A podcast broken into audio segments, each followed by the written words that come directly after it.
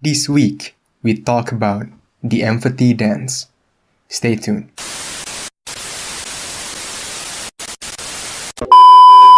Conversations happen every day, but not every day you can dive in to the deepest issues. Welcome to Podcast Deep In.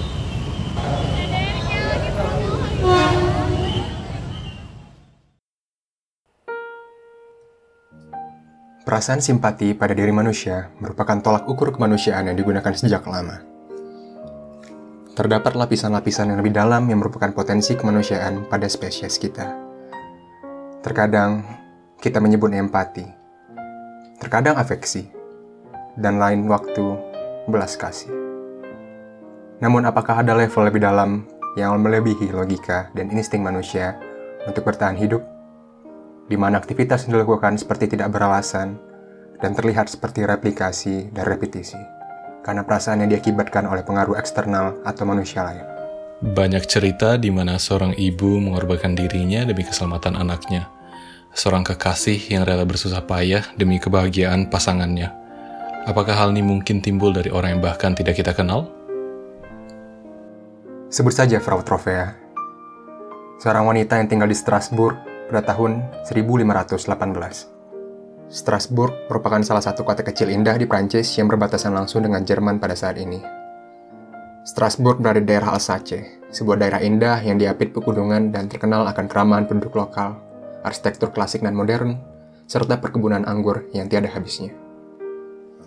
Indahnya kota Strasbourg tidak seindah keadaan dan kondisi kehidupan pada masa itu. Eropa sedang berada dalam masa kelam penduduk-penduduk di sana tidak bisa dibilang sejahtera. Masa di mana kekaisaran Romawi berjaya tidak selalu sama dengan kejayaan rakyat yang berada di bawah kebahagiaan keluarga penerus monarki yang ada. Wabah penyakit pun dapat ditemukan di mana-mana. Pada suatu hari yang cerah di bulan Juli pada tahun 1518, Frau Trofea, seorang penduduk lokal Strasbourg yang telah disebutkan sebelumnya, memutuskan untuk keluar dari rumahnya dan berjalan ke arah alun-alun kota. Tatapannya kosong. Frau berjalan seakan tidak punya arah dan tujuan. Selamat siang, Frau. Sapa seorang ibu parubaya yang telah tinggal di Strasbourg seumur hidupnya. Tidak ada balasan apa pun dari Frau, dan ia tetap berjalan. Sesampainya di alun-alun kota, mungkin akibat kesedihan diakibatkan kemiskinan, ataupun kelelahan karena melihat penyakit menerjang orang-orang terdekatnya, Frau Trofea pun menari dan menari tidak disebutkan dengan pasti alasan Frau Trofea menari di tengah musim panas pada tahun itu. Penduduk lokal dan para pendatang yang melintas melewati alun kota tertawa dan menyoraki Frau. Di balik sorakan dan riuh tawa para penduduk, terdengar perasaan lega dan bahagia yang muncul dari hiburan kecil yang disajikan oleh Frau. Perasaan lega dan bahagia yang terbalut oleh secerca harapan bahwa kehidupan ini suatu saat akan menjadi lebih baik. Kebahagiaan yang mereka pikir berlangsung singkat berlanjut terus hingga menjadi kebahagiaan yang panjang. Siang pun terlewati, begitu pula dengan malam. Hingga sinar matahari menyingsing pagi, Frau Trofea tidak berhenti menari tanpa alunan musik. Kebahagiaan yang panjang berubah menjadi sebuah pertanyaan besar. Orang-orang mulai semakin memperhatikan Frau Trofea. Sanak keluarga mulai cemas dan prihatin. Suami Frau Trofea meminta untuk pulang dengan penuh keringat dan juga darah yang menodai tanah yang berasal dari kaki sang penari akibat lecet dari tarian tanpa henti, Frau Trofea tidak menghiraukan ajakan pulang tersebut. Frau menari dan menari dan terus menari. Tiba-tiba dari kerumunan publik yang ketakutan melihat tingkah laku Frau, seorang pemuda lokal yang tinggal tidak jauh dari alun kota, memutuskan untuk bergabung dengan Frau dan pesta kecilnya. Ia juga menari dengan sendirinya, menggoyangkan tubuh, tangan, dan kakinya tanpa alunan musik. Beberapa saat kemudian, orang ketiga pun datang menyusul. Tidak lama kemudian, orang keempat, kelima, keenam, dan pesta tari kecil mereka sekarang terasa seperti sebuah pesta pada umumnya. Setelah hari keenam, 34 orang telah ikut serta pada tarian tanpa ujung yang dimulai oleh Frau Trofea. Hal ini tidak berhenti sampai di situ saja. Eskalasi berlangsung sebuah hal yang tidak pernah terjadi sebelumnya dalam sejarah. Sebulan berlalu, 400 orang mengikuti jejak Frau Trofea. Bahkan, para undangan tak terundang sudah tidak tahu apakah pencetus pesta dansa terbesar di Strasbourg atau bahkan Prancis pada saat itu masih hidup atau tidak. Yang mereka tahu adalah dansa, dansa, dan dansa. Menari, menari, dan menari. Korban mulai berjatuhan akibat kelelahan dan serangan jantung. Namun hal tersebut bukanlah suatu alasan yang bisa membuat seluruh kota ini berhenti berdansa. Bukan. Hidup untuk berdansa, mati tanpa penyesalan. Mungkin itu yang ada di benak setiap orang yang ikut menari pada saat itu.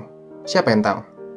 Tentu saja, Dewan Kota mulai merasakan bahwa ini adalah ancaman berbahaya untuk rakyat Strasbourg penelitian dilakukan dan kesimpulan pun diambil. Dokter-dokter pada saat itu berasumsi bahwa penyebabnya adalah darah yang terlalu panas pada otak dan satu-satunya cara untuk memperbaiki semuanya adalah dengan melanjutkan tarian yang berlangsung untuk melepaskan penyakit yang ada. Bagi para pemusik dan penari kota Strasbourg diharapkan berkumpul di tengah alun-alun kota. Begitulah tulisan pada papan-papan pengumuman yang tersebar di seluruh kota.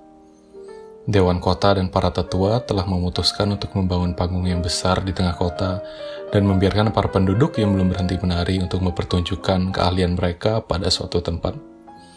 Untuk pertama kalinya, penduduk kota Strasbourg menari dengan alunan musik dari musisi lokal. Tetapi, di luar dugaan para dewan dan tetua, orang-orang tidak berhenti menari. Bahkan semakin banyak orang yang bergabung dan ikut menari tanpa henti korban yang jatuh pun semakin banyak. Disebutkan bahwa setiap harinya 15 orang meninggal akibat kelelahan dan serangan jantung. Tingkat fatalitas yang tinggi membuat para dewan dan tetua memutuskan untuk merobohkan panggung, memulangkan para musisi, dan juga para penari. Seminggu kemudian, kutukan yang terasa seperti selamanya akhirnya berhenti, sama tiba-tibanya seperti bagaimana awalnya terjadi. Jika kita mendengar semua dari sudut pandang saat ini, semua terasa sangat tidak masuk akal. Banyak alasan-alasan dikemukakan, dari alasan supernatural seperti akibat dari praktek organisasi kultus, sampai jamur halusinogen yang berkembang pada saat itu. Namun kepercayaan para saintis masa sekarang berada sebagian besar pada histeria massal yang disebabkan oleh pertalian kesulitan para penduduk Strasbourg pada saat itu. Sesuatu yang dapat direlate dan kebutuhan akan hiburan membuat semuanya terasa masuk akal.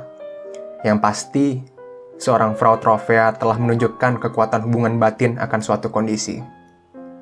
Hal yang menyembuhkan batin, salah satu kapabilitas dan potensi manusia dalam merasakan sesuatu kesamaan pada satu sama lain. Sebut itu empati, sebut itu kegilaan, sebut itu manusia. Yang kita tahu, Ikut serta adalah hal yang paling logis ketika melihat orang menari, karena manusia sudah terlalu banyak membangun dinding dibanding jembatan. After all, we humans are one, and we're all dancing to the same tune, the tunes of life.